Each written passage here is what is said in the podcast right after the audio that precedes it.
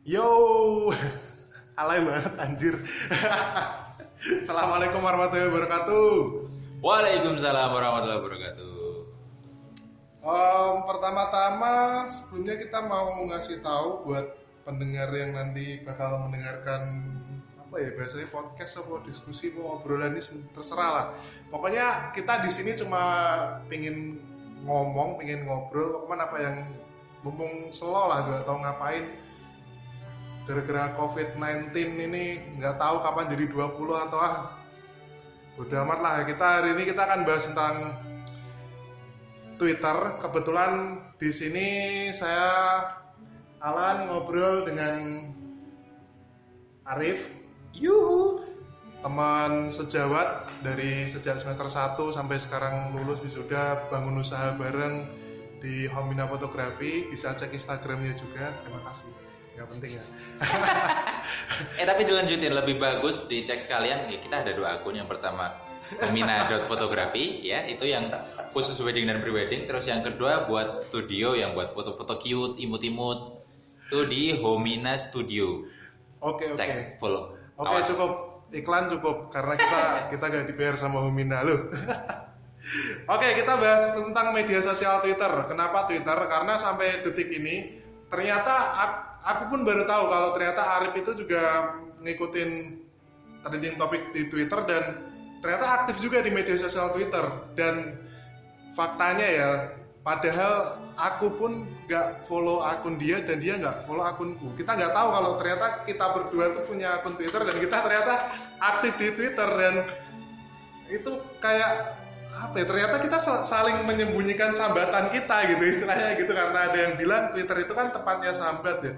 Dan uh, ada yang bilang Twitter tempatnya sambat Instagram tempatnya pamer terus pet tempatnya sombong apalah apa bedanya pamer sama sombong? Eh tapi pet kan udah di Sirna ya pak? Ah, pet kayaknya semenjak ah, Eh, semenjak dibeli sama nggak tahu ya. Kayaknya nggak rezekinya di situ kalau bahasa nah kita bahas Twitter balik lagi.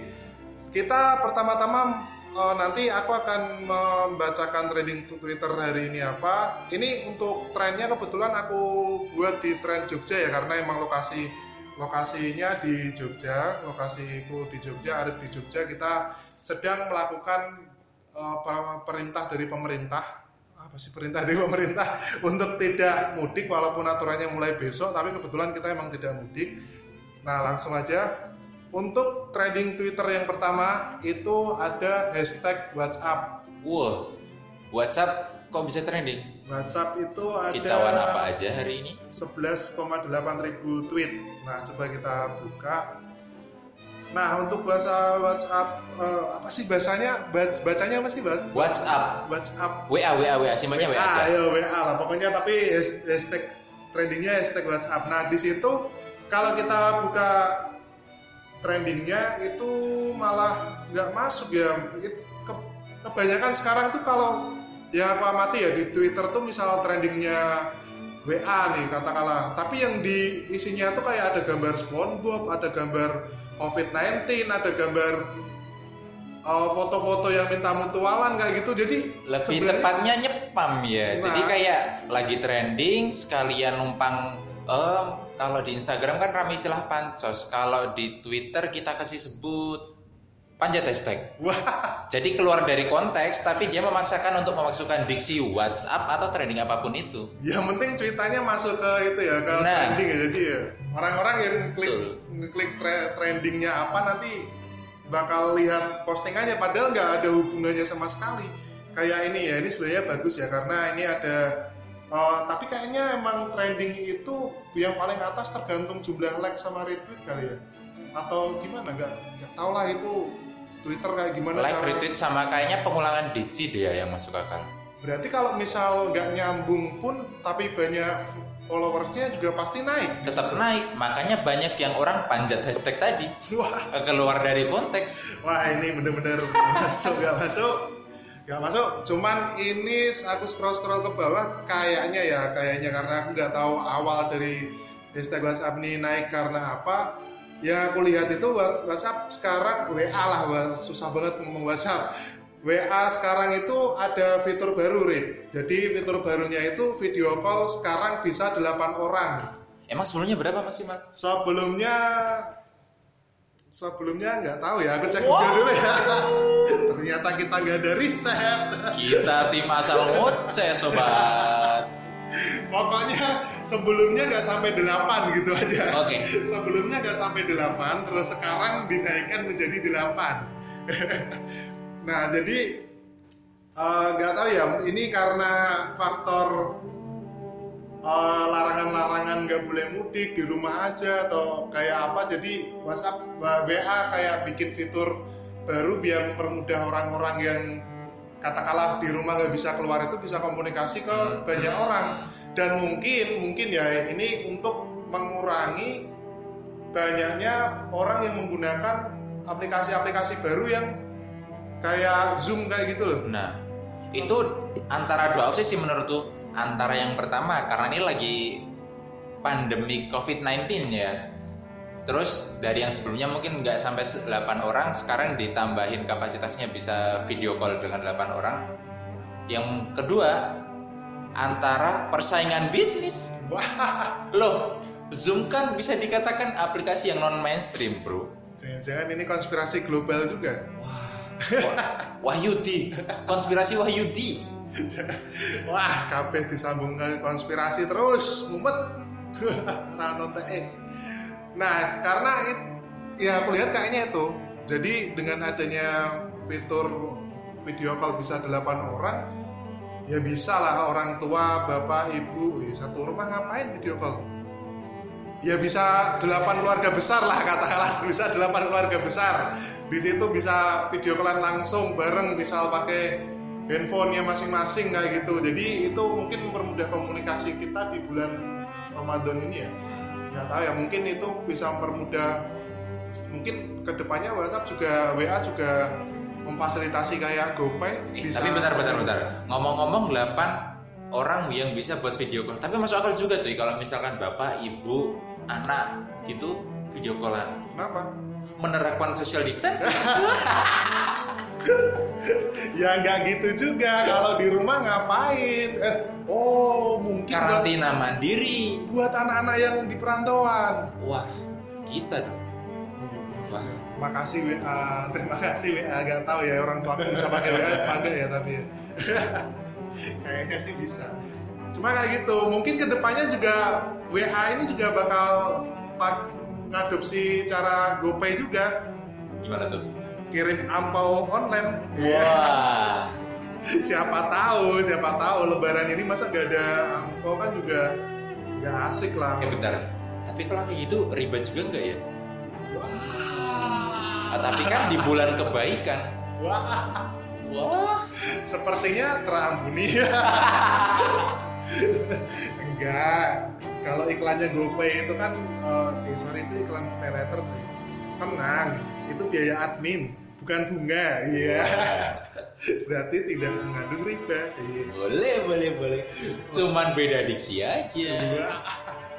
Nah selanjutnya nih lah, skip lah. Maksud kita habisin waktu buat cuma bahas WA kan. Lama-lama kita ngerosting WhatsApp.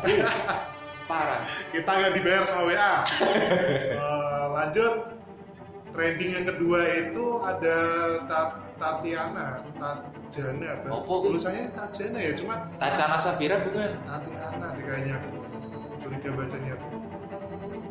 Nah, bentar. Wow, ternyata benar, ya benar. Jadi Tatiana Ta- Tatiana Sapira artis ya, artis ini. Kayak eh artis deh. Kayaknya pernah. Kalau nggak salah dia pacaran sama Herjunot Ali itu loh. Anjay, kayaknya aku pernah lihat sih di Tonight Show. oh, jadi gini gini gini gini. Aku lihat ya ini jadi uh, yang burst challenge apa sih yang makeup makeup itu loh, make makeup challenge. Oh. Yang dia Ah. lempar-lempar brushnya terus ditangkap sama orang Hmm. makeup kayak gitu-gitu. Nah, ini tuh dari aku lihat dimulai dari uploadan dari akun RLT on baca lulus dulu dan apa sih gila-gila gila nah itu jadi isinya tuh video artis-artis cewek yang cantik-cantik semua men Siapa aja lah namanya itu? yang aku tahu ya ini ada Tatiana tadi ada Ge- Gempi pun ada Gempita Martin. Gempi Gardin ah, Lah iya, kita Martin. tuh. Gempita Iya. toh. itu pun ada terus mamanya juga ada Giselle terus ini ada Uh, Mama Gishe. host to next show itu siapa ya cewek NZ NZ. Ada terus ada adiknya Raffi Ahmad ini juga ada wah gila sih ini emang cakep-cakep semuanya tapi kenapa yang trading cuma Tatiana ya Oh. Patut dicurigai. Padahal ada Chelsea Chelsea Islan juga loh. Wah, kalau ini kayaknya kita nggak bisa komen sih urusan cewek, make up lagi. Yang Tapi ngomong-ngomong burst challenge belum ada yang nyeleneh ya? nyeleneh gimana cuy? Itu kan cuman kelempar kayak kuas make up tuh. Terus, Coba kalau sekalian kasih satu set make over gitu. wah, Ah, kelamaan. cari bahannya biye, nggak masuk. Eh, sorry ya, yang buat pendengarnya mungkin bahasa-bahasa kita agak campur karena memang yang pertama kita nggak ada basic sebagai seorang apa ya, tata bahasa atau apa ya intinya. Hmm. Kita dari fakultas sosial, jadi Eh bukan cu, sastra. sastra budaya oh Dan iya sorry, komunikasi. sorry. astaga maafkan saya fakultasku Soalnya latar belakang kita itu di Unpad. Kita alumnus Unpad, unpad apa Pak? Universitas Pak Ahmad Dahlan. ah jokes receh sekali Daripada Oh, saya takut mencemarkan nama instansi. Skip. Ayo ganti ganti. kenapa nggak bilang Ahmad Dhani aja lanjut ya skip Eh, ini lanjut nih yang ketiga ada hashtag bebaskan Raffio Oh, oh, oh. lagi rame tuh. ini kayak Kalau nggak salah tadi udah muncul petisinya juga kok. itu apa itu dia dia ngapain Kalau sekilas sih kasusnya dia itu eh dituduh, diduga, sorry kalau nggak salah. Tapi tolong dikoreksi ya nanti. Eh, diduga dia itu kayak jadi provokator oke jadi provokatornya aku juga untuk yang apa kayak dia itu mewakili yang di luar golongan kapitalis gitulah. mewakili golongan di luar kapitalis. Heeh. Berarti golongan proletar sosial tapi itu masalahnya gimana tuh nggak ngikutin dari awal soalnya nih nih nih nih kalau kalau yang aku nemuin di Twitter ya nggak tahu ini bener apa enggak. Jadi di awalnya tuh ada pesan pesan kayak surat terbuka gitu. Heeh. yang berbunyi alerta tanda seru. Oh ya tanda seru caps lock di bold hitam lagi. Kemarin 22 April 2020 sekitar pukul 2 Raffio Patra melaporkan kalau ada yang meretas WhatsApp-nya. Ia menunjukkan kalau ia coba menghidupkan WA muncul tulisan you you registered your number on another phone dicek ke pesan inbox SMS dan ada permintaan pengiriman OTP. Peristiwa ini saya minta segera dilaporkan ke WA. WhatsApp sih, cuma aku Ah. baca WA biar gak kelihatan salah nyebut terus. Dan akhirnya oleh Head of Security WhatsApp, ah, kebawalah itu WhatsApp, dikatakan memang terbukti ada pembobolan.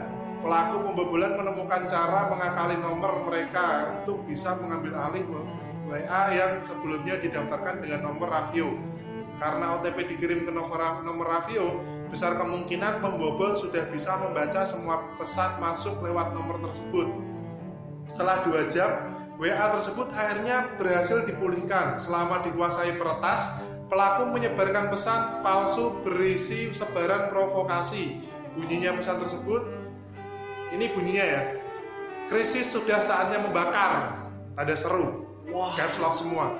Ayo kumpul dan ramaikan 30 April aksi penjarahan nasional serentak. Semua toko yang ada di dekat kita bebas dijarah.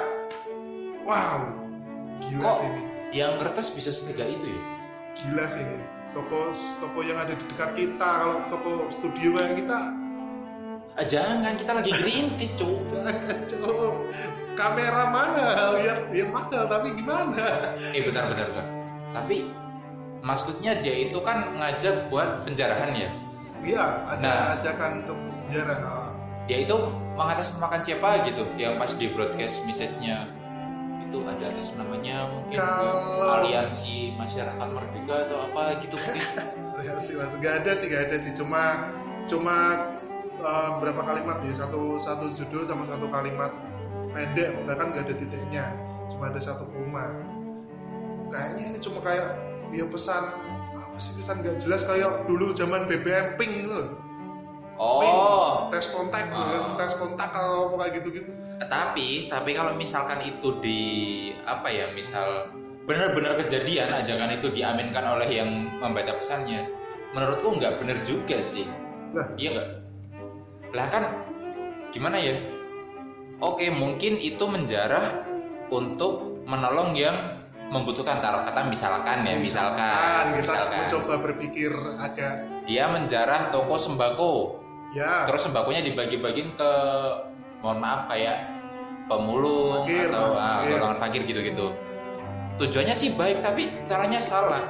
Kayak film Robin Hood ya. Nah iya Robin Hood Wah, tapi kalau emang tujuannya kayak gitu, tapi yang namanya penjaraan itu maling, Pak. nggak bisa dibenarkan Nggak bisa dibenarkan walaupun itu nanti dibagikan ke kalangan-kalangan fakir pun kalau itu hasil dari penjaraan itu kriminal. udah masuk kriminal Itu karena katanya Indonesia kan negara hukum cuy Wah, katanya, kok Kata- katanya? oh iya Kan iya emang Indonesia benar. negara hukum. Lah, negara hukum makanya tadi aku bilang nggak benar meskipun tujuannya baik awas dipotong-potong Siapa yang mau potong? Ada yang dengerin aja syukur. aduh Nah ini lanjut lanjut ya. Ini belum selesai pak. Saya katakan motif penyebaran itu adalah plotting untuk menempatkan Raffio sebagai salah satu yang akan membuat kerusuhan. kerusuhan. Dianggap Saya- dalang gitu. Ya dianggap dalang kayak yang pertama kali menyebarkan lah.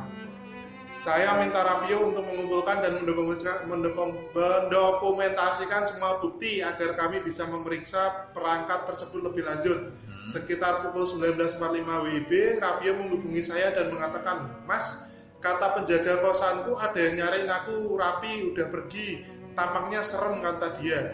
Saya instruksikan Raffio untuk matikan handphone dan cabut baterai. Lalu pergi ke rumah am- lalu pergi ke rumah aman.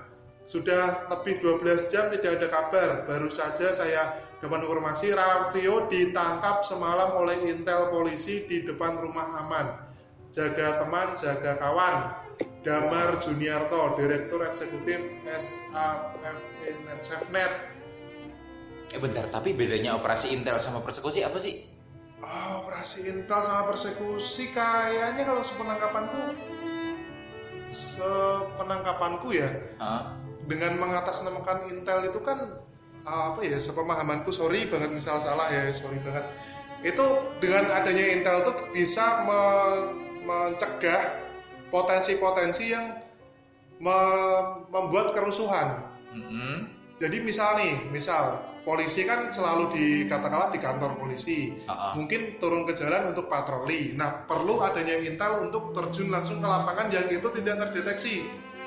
Karena kejahatan kan kadang terjadi bukan karena niat ya, tapi karena ada kesempatan. Katakanlah di sekitarnya nggak ada aparat penegak hukum atau siapa pun itu. Nah, dia mulai melancarkan aksinya. Nah, fungsinya intelijen itu dia berbaur dengan masyarakat untuk mengetahui Oh. agar ke depannya tuh bisa mencegah atau bisa menangkap secara langsung misal kejadian itu bisa terbukti cuman ini kan yang yang jadi pertimbangan yang bedanya sama pers- persekusi kayaknya sih uh, pertimbangan ya masuk Ah. ke ranah pertimbangan ya Ah. intelijen mela- melakukan penangkapan sama Raffi itu kan kayaknya karena karena memang sudah terbukti nyebar menyebarkan pesan hoax oh, sorry menyebarkan pesan yang intinya Yang ada kalimat-kalimat provokatif tadi ya. Nah, untuk urusan itu diretas atau di apa kan yang namanya Intel kan dia taunya dari situ. Nah, dari penangkapan itu kan uh, aku nggak tahu sih se- ranahnya kan aku bukan orang hukum ya, sorry ya. Cuman setahu se- menurutku habis itu kan pasti ada persidangan, ada interogasi yang itu nanti akan ditanyakan terus dicocokkan sama fakta-fakta yang ada di lapangan. Nah, mungkin ya mungkin sih sekarang ditangkap karena atas atas azas praduga tak bersalah.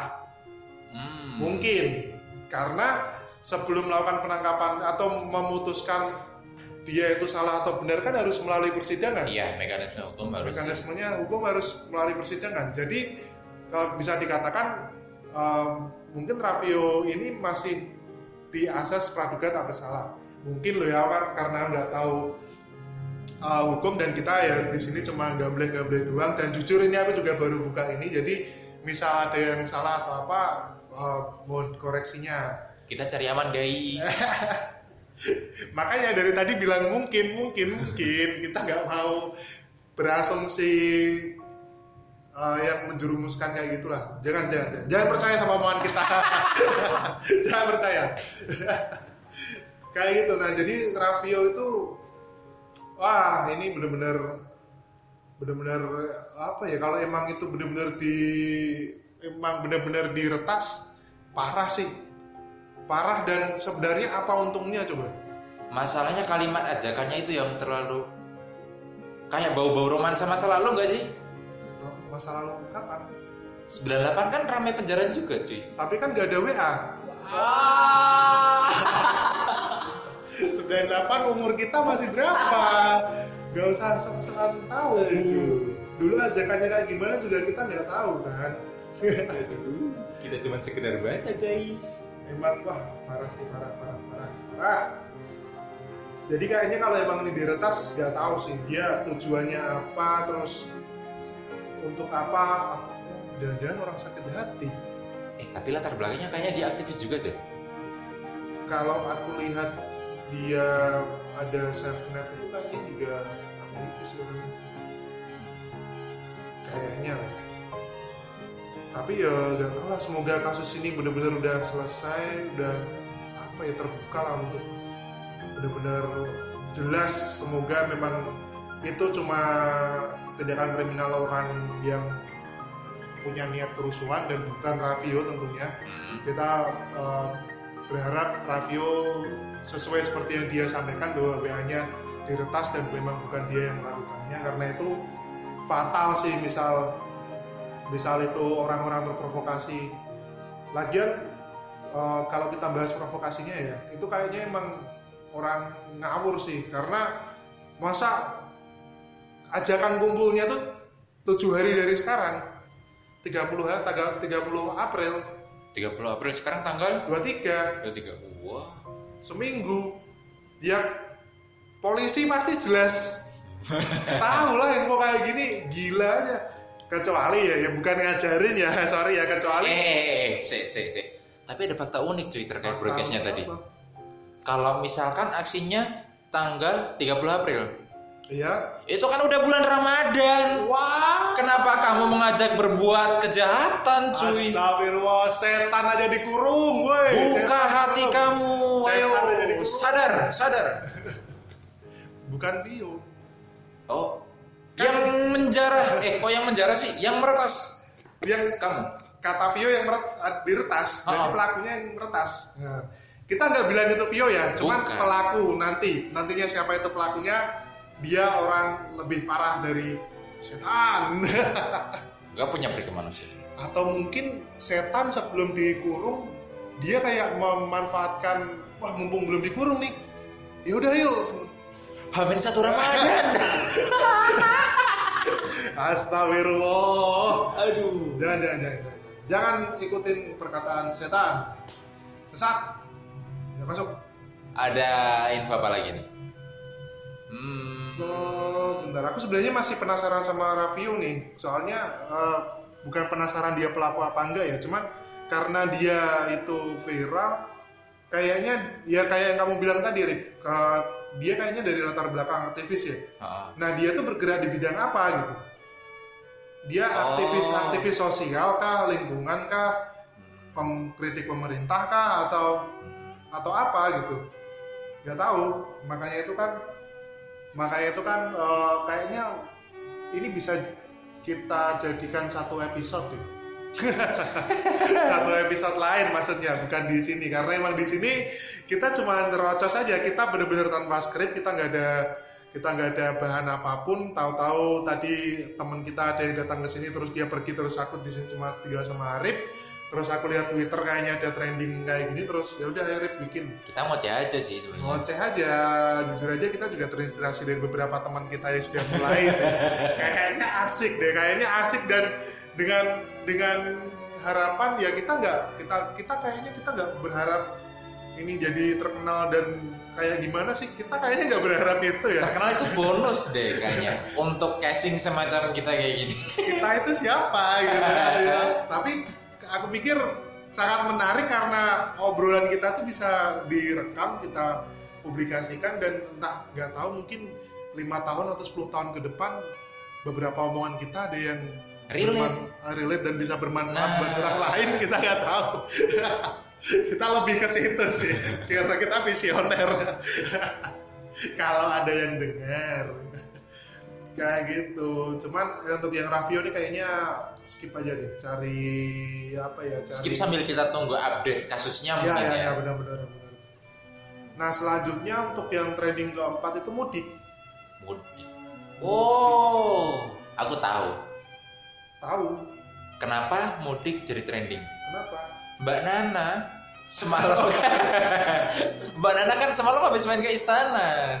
wow kok dia nggak dis- nggak social distancing Loh, social distancing. kok dia nggak work from home Meja interviewnya berapa meter, Bro? tapi kan dia nggak kerja dari rumah Ada beberapa hal yang nggak bisa kerja dari rumah. Oh, Maksudnya kita iya. handle dari rumah. Astagfirullah Jurnalis kan iya iya iya iya ya mau nggak mau harus terjun ke lapangan langsung. oh iya benar benar benar benar benar. Kalau kerja dari rumah namanya copy paste berita. Tuh, dengerin teman-teman bagi yang sering menghujat orang-orang yang sering keluar, kita tuh nggak tahu Oh, mereka lah. mereka keluar tuh buat ngapain tuh kita nggak tahu. Setiap orang kebutuhannya berbeda-beda. Kadang berbeda-beda. pikiran suzon dan marah tuh eh, menutup pikiran kita untuk tahu alasan orang itu tuh keluar ngapain sih. Siapa tahu kalau misalkan dia kerjaannya ngojek atau apa kan. Mana mungkin ngojek virtual cu? Kayak gitu. Nah, kita juga nggak tahu latar belakang eh, lingkungan dia di rumah seperti apa. Kita juga nggak tahu. Misalnya katakanlah dia penghasilan harian nih. Nah, kebetulan hari ini uangnya emang udah bener-bener habis. Nah, mungkin teman-teman ah, katakanlah netizen lah. Netizen itu kan karena seribu orang dikumpulkan jadi satu kan ada seribu ide berarti. Yes. Nah, biasanya tuh mereka ada ide-ide yang kadang kita nggak terpikirkan karena panik gitu. Kayak contohnya ya kan kalian bisa lapor ke dinas sosial kan kalian bisa lapor ke Pak RT kalian bisa lapor ke kelurahan buat dikirim bantuan buat ini buat itu. Iya itu memang benar mungkin bisa. Tapi kan kita nggak tahu kondisi realnya di lapangan seperti Nah. apa. Soalnya kalau kayak gitu kita juga nggak bisa full ngandelin atau berharap bantuan dari pemerintah. Karena kita tahu kapasitas negara kita seperti apa ya. kita itu negara kaya Kayak utangnya. wah Aduh. wah Hati-hati nih, jangan-jangan depan pintu udah ada yang nunggu. enggak tolong tadi yang ngomong Arif ya bukan saya ya Loh, tapi kan realnya emang gitu. Tapi indikator kayak utang itu kan nggak ada batasnya. Oh iya juga sih. Indikator kaya utang tuh berapa coba? Siapa tahu satu utang satu triliun itu di menurut uh, elit-elit besar itu angka yang kecil. Receh. Iya. Nah kan cuma utang segini. Cuma Ah, tapi tetap utang. ya gitulah namanya. Birokrasi ya. Nah ini yang mudik ini bahas tentang kayaknya ya tentang yang Pak Jokowi sama itu yang arti pulkam sama mudik ya. Nah, iya tuh. Cuma gimana ya? Aku mikirnya juga itu bisa dijadikan perdebatan loh. Oke, larangan itu kan terjadi eh dimulai besok tanggal 24 dan ditujukan untuk wilayah-wilayah yang zona merah dan yang menerapkan PSBB. Nah, sedangkan ketika di jalan itu ketika diberhentikan sama polisi atau atau kita uh, istilahnya kena operasi lah dan Ah. ternyata kita mau niat mudik kata kalau nggak salah ya sorry kalau nggak salah kata Pak Jokowi yang kemarin mudik yang kemarin uh, keluar dari Jakarta itu bukan mudik. Terus? Tapi pulang kampung. Kalau yang mudik coba deh selesai dulu. Kalau yang mudik? Kalau mudik itu kan kalau kata Pak Jokowi ya salah ya mudik itu kan saat Lebaran. Oh, berarti cuman beda.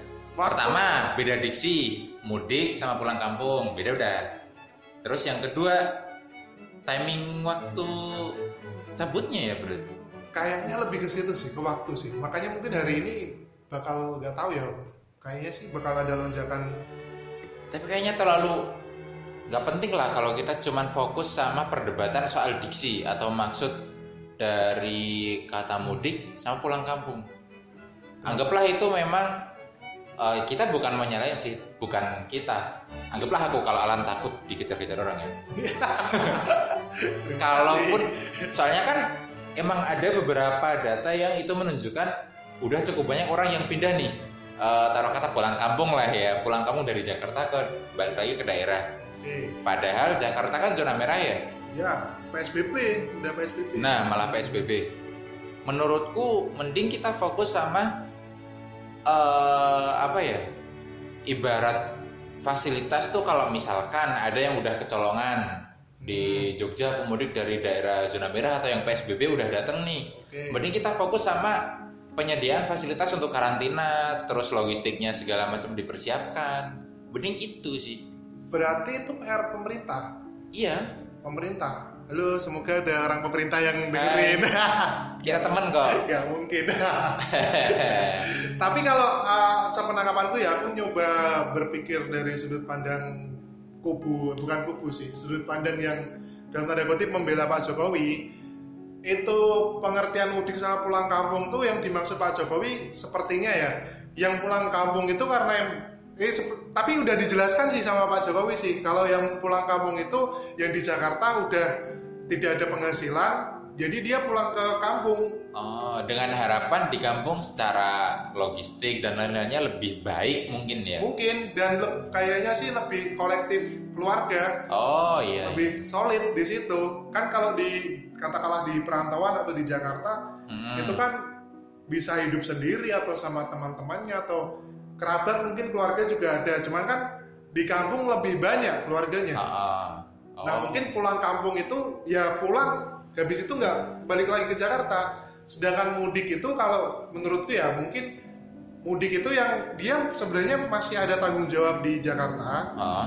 tapi dia pulang ke rumah terus ketika selesai masa mudiknya dia kembali lagi ke Jakarta Oh, semacam ya. Kalau ditarik kesimpulan berarti ritual rutin di hari raya besar ya. ya Mudik. itu ya benar di hari raya besar kita pulang untuk bertemu dengan keluarga satu hari dua hari pulang lagi kembali ke Jakarta. Nah yang dilarang itu mudiknya itu yang bolak balik itu. Oh iya iya. iya. sepenangkapanku sih gitu ya. Kalau karena sebelumnya kalau nggak salah di video cuplikannya itu juga dijelaskan kalau yang pulang kampung itu yang di Jakarta nggak ada penghasilan lagi ya udah dia pulang gitu. Berarti kan akan sangat akan sangat bodoh sorry bukan bodoh so- sorry sorry sorry akan sangat tidak kurang kurang cerdas ketika udah tahu di Jakarta nggak ada penghasilan ketika dia sudah di kampung di pulang kampung ini dia bakal balik ke Jakarta lagi Oh. kecuali pandemi ini udah selesai mungkin di sana masih merajut asa Berani spekulatif lah ya. Iya, tapi kalau pandemi kayak gini kan emang bener-bener udah Semua sektor terdampak cuy, sumpah. semua vektor kita berdua juga terdampak Tolong ya. Nanti saya kirimkan alamat kos kalau nanti bersembah. Terus teman-teman bagi teman-teman yang suka menghujat orang-orang yang masih keluar-keluar padahal kalian nggak tahu tujuan dia keluar apa, kalian mungkin bisa membantu dia aja biar dia nggak biar dia nggak keluar-keluar. Mungkin kalau emang tujuan keluarnya buat cari makan ya kalian mungkin bisa nganter nasi telur lah atau apalah gitu apa. Diterima pasti kok sama apalagi sama anak kos. Dan aku yakin mereka pasti nggak bakal keluar kalau Iyalah, karena udah terpenuhi. Iya, karena udah terpenuhi. Mereka keluar karena ada suatu hal yang tidak terpenuhi di situ. Nah, Seperti itu, teman-teman. Tolong ya, uh, no offense. Uh, sorry banget teman-teman. Gak apa-apa kok kalian speak up uh, untuk tidak keluar seperti apa kayak gitu nggak apa-apa karena emang karena emang ya kita tahu kondisi lah kan. Dan kemarin tuh aku uh, untuk untuk sumber validnya sorry kurang kurang valid ya karena aku lupa. Cuman it- jadikanlah ini cerita aja sharing cerita sharing. Kemarin tuh aku menemukan ada dari Twitter juga itu dia ada yang kecewa dengan orang-orang yang keluar. Karena ayahnya ayahnya itu yang sebenarnya dia punya riwayat jantung dan dia uh, keluar rumah itu untuk belanja dan lain-lain dan dia Hmm. tuh kena Ayahnya. ayahnya kena positif Oh. dan meninggal Innalillahi. dan dan uh, posisi dia yang yang bikin tulisan itu dia lagi merantau gak bisa pulang Hmm. itu sakit sih bener-bener sakit sih dia ke- kehilangan ayahnya di saat dia jauh di rantauan dan kondisi kayak gini apalagi eh, semoga korban eh, dilapangkan ya sama keluarga di, Amin. bisa di, diberikan ketabahan juga Amin. nah eh, sedangkan ayahnya itu kan positif tuh positif oh. Oh, sedang otomatis keluarganya jadi ODP dong untuk sementara Nah, ini jadi ah. ODP. Jadi yang nulis yang nulis cerita ini benar-benar uh, ya kalau aku diposisikan jadi dia nggak tahu sih bakal stresnya kayak gimana. Selain sedih pasti stres juga sih karena kalau dari kebanyakan kasus bukan orang gini nih orang kena penyakit itu jadi kayak semacam jadi aib bener gak sih? Iya, iya. karena ah, stigma masyarakat itu yang buruk betul. Misalkan beda kasusnya kalau sama HIV lah meskipun sekarang udah banyak kampanye-kampanye sosial untuk jauhi penyakitnya bukan orangnya ya Ah, tapi seolah-olah stigma atau persepsi orang soal penularan COVID-19 ini udah masih kayak yang HIV dulu. Wah, jangan-jangan orang ini habis gini nih makanya kena Iya, penyakit iya. gitu tuh. terus menjauh gitu. Oh, ya. oh. Padahal kan itu tidak menular selama kita nggak yang sorry nggak tahu sih masalah kesehatan. Kayaknya jangan bahas itu deh. Cuman Eh. se- setahuku yang penting nggak nggak seks bebas lah atau nggak jarum suntik nggak Nah. pakai narkoba kayak gitu gitulah yang penting menghindari. Lebih dari itu teman-teman. Nih, kalau misalkan ya diposisikan ke diri kita aja deh. Misalkan salah satu anggota keluarga kita atau orang tersayang positif. Terus sedih dong pasti ditinggal orang tersayang ya kan? jelas dong. Udah gitu kalau misalkan keluarga kita jadi bahan omongan, cibiran di tetangga kanan kiri mungkin atau dibilang gimana-gimana. Itu udah ngerasa kehilangan, sakit hati, depresi juga. Sumpah, mending jaga lisan deh. Wah, bener-bener. Tapi tapi kalau kalau kita bahas itu ya sebenarnya nggak ada selesainya. Oh, seperti kita acara kita, kita kan satu nol satu nol bujang. satu nol itu karena satu itu kita berharap obrolan ah itu nanti dibahas nanti lah. Pokoknya lingkaran Eh kita- nanti kalau kayak gitu tuh edisi khusus cuy. Iya, kalau oke. setahun atau berapa gitu baru sejarah satu. Eh. Kalau ternyata ada yang mendengarkan ya, kalau ternyata, kalau ternyata ada yang mendengarkan dan yang mendengarkan lebih dari 200 orang, kita akan membuat alasan kita menamai satu nol bujang. Kenapa bukan 10 bujang, tapi satu nol bujang. Kayak gitu. Eh. Nah, balik lagi ke case tadi, sorry malah melebar. Tapi gini, kalau kita bicara stigma masyarakat ya, kita selalu katakanlah kalau kita di sudut pandang orang yang takut dengan stigma masyarakat, orang-orang tersebut tuh kayak ter- mikirnya bakal dijadi omongan kayak gitu-gitu. Padahal belum tentu. Siapa tahu memang kita kitanya aja yang overthinking gitu. Sebenarnya masyarakat gak masalah dan support juga. Tapi karena kita yang terlalu overthinking, kita yang terlalu berpikir yang aneh-aneh, kita yang jadi takut sendiri. Mungkin itu salah gitu. satu alasan yang kasus di mana tuh yang katanya ada pasien nggak jujur terus berapa puluh tenaga Wah, kesehatan Di tuh Semarang tuh kayaknya tuh di Semarang gitu kalau Semarang ya? sama gerobokan kalau nggak Jangan salah. kayak gitu teman-teman. Kalau itu parah sih. Kalau kalau kalau udah bohong masalah kayak gitu parah sih. Kalau nggak salah di Surabaya juga ada Jawa Timur. Kayaknya beberapa kasus ada deh itu. Kalau nggak salah loh, Kak. Soalnya kalau kita cari sumber-sumbernya kita cuma scroll-scroll baca gitu doang sih. Lain kali, lain kali Kita bakal riset. kita akan screenshot, kita akan screenshot, kita akan sertakan sumbernya juga. Lain kali kayak gitu. Jadi biar um, ya biar kelihatan valid lah. Tapi kayak gitu Rip, kembali lagi. Nah, ke- kalau masih ingat kenapa kita bahas itu tadi, itu karena uh, kembali ke postingan teman-teman kita yang dia dia yang menghujat orang-orang yang di luar. Nah, tapi kalau dari sudut pandang orang-orang yang menghujat ya, kita coba mikir dari sudut pandang orang orang yang menghujat ya. Itu mungkin mereka menghujat karena ada orang terdekat dia yang menjadi korban. bisa jadi kayak kasusnya yang tadi tuh yang bapaknya kena Nah, positif Iya, dia, dia yang mung- mungkin ya nggak tahu, mungkin yang sebelumnya dia biasa-biasa aja, dia jadi speak up bahwa makanya kalian tuh di rumah aja gak usah ngeyel bla bla bla bla bla bla. Karena ada orang terdekat dia yang menjadi korban dan kita sih harapannya kita nggak sampai kayak gitu ya. iya Istilahnya ya jangan sampai semoga penyakit ini dijauhkan dari keluarga kita semua gitu. Amin. Semoga semoga kita selalu menjaga imun. Karena kondisi kayak gini tuh bener-bener ngelatih kita untuk bener-bener saling berempati. Contoh, kalau kayak yang taruh kata habis dari mana gitu terus di karantina mandiri. Misalkan itu bener-bener nggak boleh keluar rumah, kan ada tuh beberapa kasus di daerah yang dia anak kos, jujur laporan ke RT, terus ke gugus Ya, tugas di ya, tingkat ya, desa ya, mungkin ya, gitu kan. Tanggap COVID. Nah, tetangga kanan kirinya tuh kolektif, men. Ngasih sarapan, terus nanti siang ada yang ngasih makan lagi. Kalau yang gitu lebih respect sih. Ah itu patut dicontoh, patut dicontoh banget. Karena se setauku ya, seingatku sih, aku nggak tahu nanti coba dibenarkan. nah, Mungkin Arif pernah dengar apa enggak? Kita kalau ingin membantu orang di masa bencana ini, kalau bisa utamakan keluarga kita dulu, saudara kita dulu. Mm-mm. Kita bantu saudara dan keluarga kita dulu, terdekat. Ah, kemudian baru tetangga-tetangga kita. Setelah itu baru lingkupnya ke nasional. Banyak kayak gitu.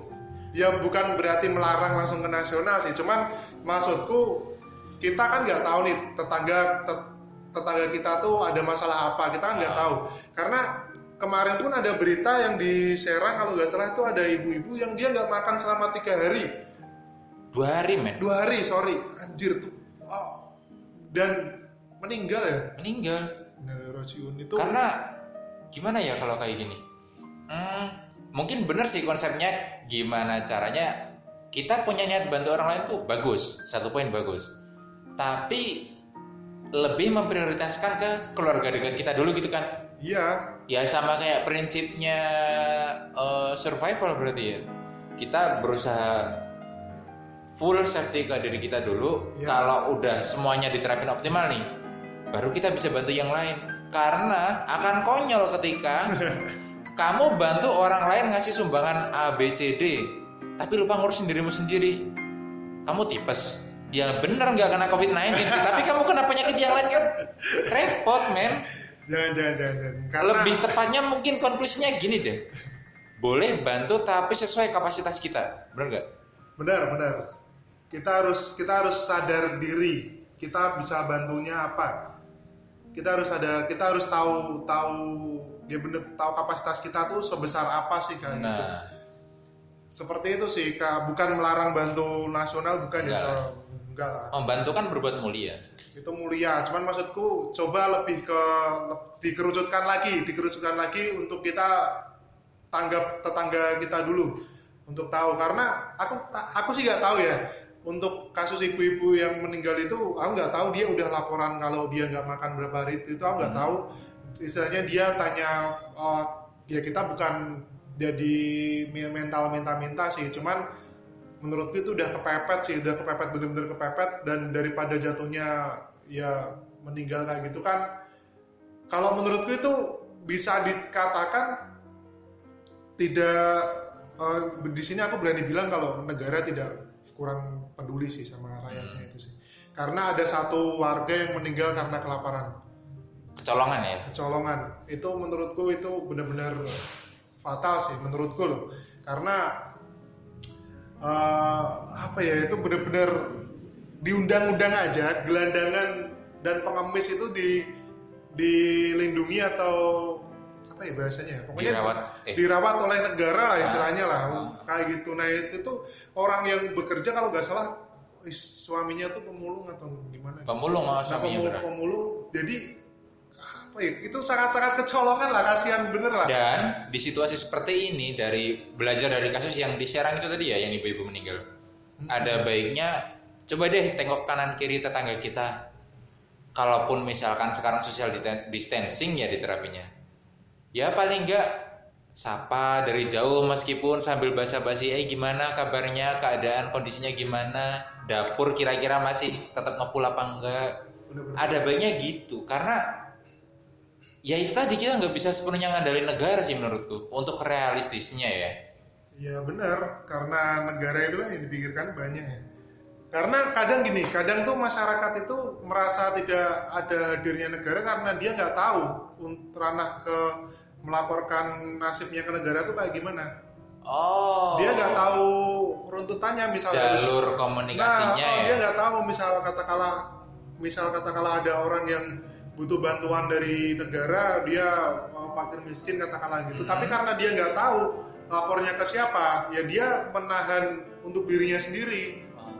Nah itu yang kayaknya perlu disosialisasikan oleh masyarakat kalau ada apa-apa tuh ngomong gitu. Komunikasi masalah klasik sih ya. Nah, ini aku ada ada solusi sih, eh, saran bukan solusi. Aku ada saran sih mungkin buat pemuda-pemuda di seluruh desa atau seluruh wilayah di minimal per RT lah itu cobalah bikin posko tanggap darurat kecil-kecilan Hmm. yang itu lingkupnya per RT.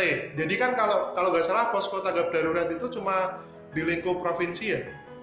kurang ngikutin sih kalau- tapi banyak yang swadaya sem- bikin semacam gugus tugas gitu tuh Nah, desa. maksudku itu co- coba bikin bikin yang bikin gugus eh, apa tadi gugus apa? taruh kata posko darurat lah Nah, ka- katakanlah Karang Taruna itu tugasnya sekarang bu- bukan bikin posko, nanti malah jadi bergerombol. ya posko namanya mekanisme bergerombolnya itu protap yang lain Jadi kayak kasarnya gini lah, semua pemuda di satu RT itu pemudanya ada berapa lima katakanlah itu bikin grup WA, mereka bikin campaign, mereka bikin poster, mereka bikin stiker atau mereka bikin uh, bentuk gambar lah, bikin desain apa, dikirimkan ke semua rumah, semua rumah harus menerima surat tersebut bahwa kalau ada apa-apa lapor, Laporan. laporan ke Nah. sini. karena nggak bisa ngandelin call center pusat men Karena kalau center pusat kadang sibuk, nah Nah, dengan harapan kalau pemuda ini tahu, pemuda ini kan istilahnya aku bilang gak ada dari depan karena kat- katanya sih usia muda imunnya masih bagus ya. Ah. Jadi insya Allah masih sanggup lah, istilahnya masih sanggup untuk mondar mandir, usang-usung kayak gitu masih sanggup lah. Nah, ngomong-ngomong usia muda, ini juga harus di eh, cek lagi deh di lingkungan kanan kirimu. Siapa tahu nih banyak lansia itu kan harus concern ke situ dulu ya, meskipun nggak menutup kemungkinan yang muda rawan tertular juga. Ya. Tapi kalau yang namanya orang udah lanjut usia, dari segi fisiknya udah ringkih, mungkin kesehatannya juga nggak nggak sefit anak-anak usia 20-30 tahun lah. Itu yang harusnya diprioritaskan sih menurutku. Ya harus sering-sering itu sih, nggak harus terjun ke lapangan sih, cuman ya hitungannya terjun ke lapangan, cuman maksudku nggak nggak harus sering-sering main ke rumah-rumah Lebih tetangga sih enggak cuman minimal kalian pegang kontak person satu kepala keluarga Nah, monitoring by WA bisa Ah, tuh. jadi harusnya. atau semua satu RT itu bikin grup ada masalah apa pokoknya apa apa ngobrol Sa- Hmm. misal nggak usah malu stok makanan habis itu insya Allah eh, kita tuh bangsa yang gotong royong. tinggi. iya pasti Indonesia cu. insya Allah pasti di- dibantu lah kayak gitu harapannya sih kayak gitu harapanku oke mm, ini masalah mudik jadi bahas Panjang banget. panjang banget. Selanjutnya kelima itu SeaWorld. SeaWorld i- itu ya kayaknya Media deh kayaknya itu. Karena SeaWorld itu media, sepertinya pembahasannya akan makin panjang. Dan kayaknya udah cukup aja kali ya. Eh, karena SeaWorld itu kan media yang di itu ya. Katanya sih media pemerintah. Wah, ada yang bilang buzzer pay juga sih. Ada yang bilang yang membiayain itu.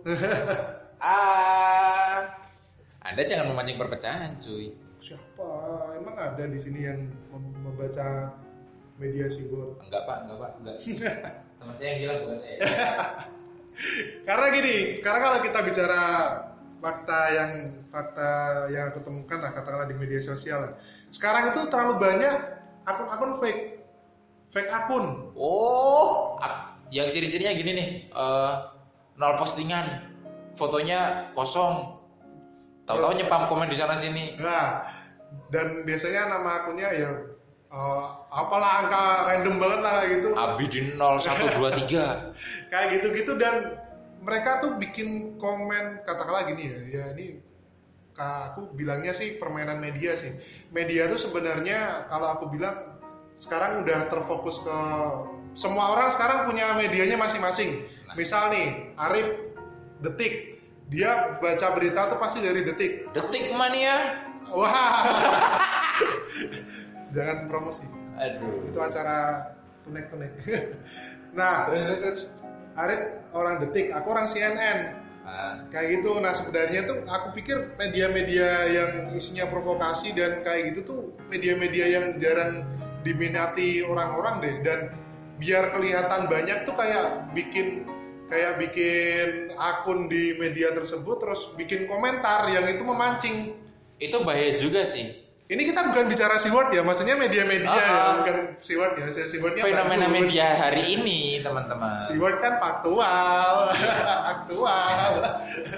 Karena taruh kata misalkan ada satu media terus memelihara beberapa akun lah peternak akun sosmed gitu ya. Oh satu kebohongan pun kalau diorganisir dengan baik bisa jadi kebenaran men Nah itu Itu yang konsep bahaya. mayoritas mayoritas di atas segala-galanya itu emang bahaya sih. Nah itu yang aku bilang jadi kadang tuh kita selalu terpancing dengan kata netizen kata netizen padahal ya bener netizen sih karena di internet. Cuman maksudku padahal itu bukan berat kadang itu bukan orang gitu loh.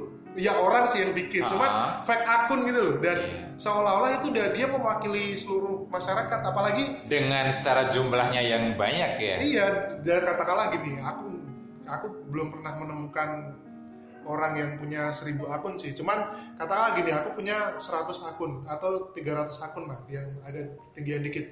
Aku komentar di komen Instagramnya uh, CNN katakanlah. oh. Uh, ke- dan misal nih, misal sorry CNN, misal aku kasih contoh karena kamu emang media yang besar dan terpercaya. Jadi misal aku bikin komentar apaan berita hoax dan 300 akun fake tuh aku like, Nge-up. aku like like komentar Nah. itu.